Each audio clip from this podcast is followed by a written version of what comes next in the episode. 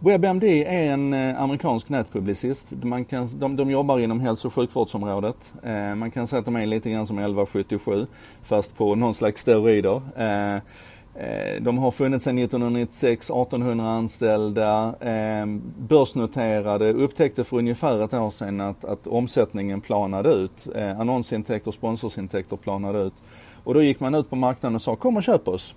Och det har nu KKR sagt att man ska göra. 100 bolag har varit med och bjudit men KKR som är en, en välrenommerad gammal amerikansk privat investeringsfirma köper dem för 2,8 miljarder dollar, alltså 23-24 miljoner svenska kronor. Och jag använder den här, det är ju inte gigantiskt med internetmått mätt men det är ju skitmycket pengar.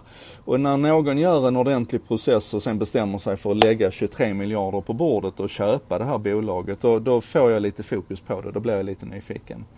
Um, och det leder mig in till att fundera på vad det är som händer med hälso och sjukvårdsbranschen med våra nätläkare idag. Ni har säkert hört talas om min doktor och Kry. Jag har ingenting med dem att göra men jag älskar Kry, använder den ofta.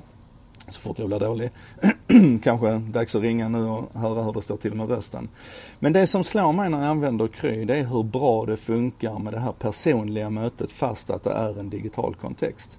Och vi måste ha klart för oss att det, det finns inget likhetstecken mellan mellan ett fysiskt möte och ett personligt möte. Lika lite som att ett digitalt möte och ett, ett personligt möte är varandras motsatser. Vi kan vara personliga här. Om jag bara tittar i rätt kamera så, så kan du möta min blick och vi kan känna att det här är personligt och läkaren tar sig tid att prata med mig och så vidare. Han kan också be mig ta bilder eh, så att han kan faktiskt titta mig i halsen och han kan titta på mina utslag och, och sådär. Han kan eh, använda hälsodata ifrån min, min egen lilla hälsodevice. Han kan titta på provresultat som jag har varit iväg och tagit hos Verlabs. Eh, som är en tjänst där jag en gång i kvartalet tar massor med blodprov och kan konstatera till exempel att testosteronet gör sitt till. Jag håller på att tappa håret eh, och så. Det i sin tur leder mig in till tankar runt de här sjukhusbyggena som vi har nu där vi bygger om sjukhus för miljarder.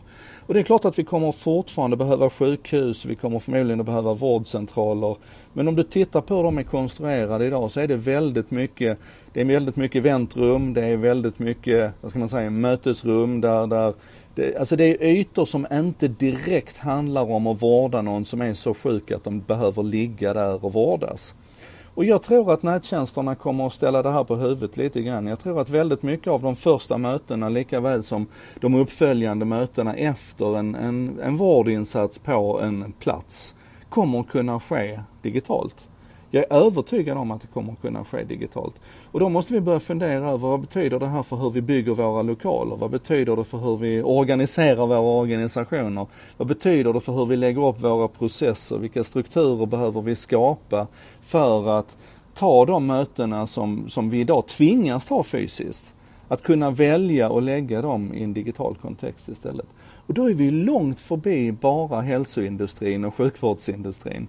Då handlar det ju om dig också. Om du jobbar i skola eller du jobbar som på ett åkeri eller du, vilken, vilken industri du än jobbar i där du, där du har en massa, massa mänskliga möten. Hur kommer de hur kommer din verksamhet att behöva planeras om när väldigt många, kanske till och med merparten, kanske till och med nästan alla möten med människor sker i en digital kontext istället för i en fysisk? Vad kan du göra dig av med? Vad behöver du ha kvar? Och vad är ditt egentliga kärnvärde? Klura lite grann på det där och eh, testa gärna att använda någon av nätläkartjänsterna nästa gång för jag tror du kommer att bli överraskad.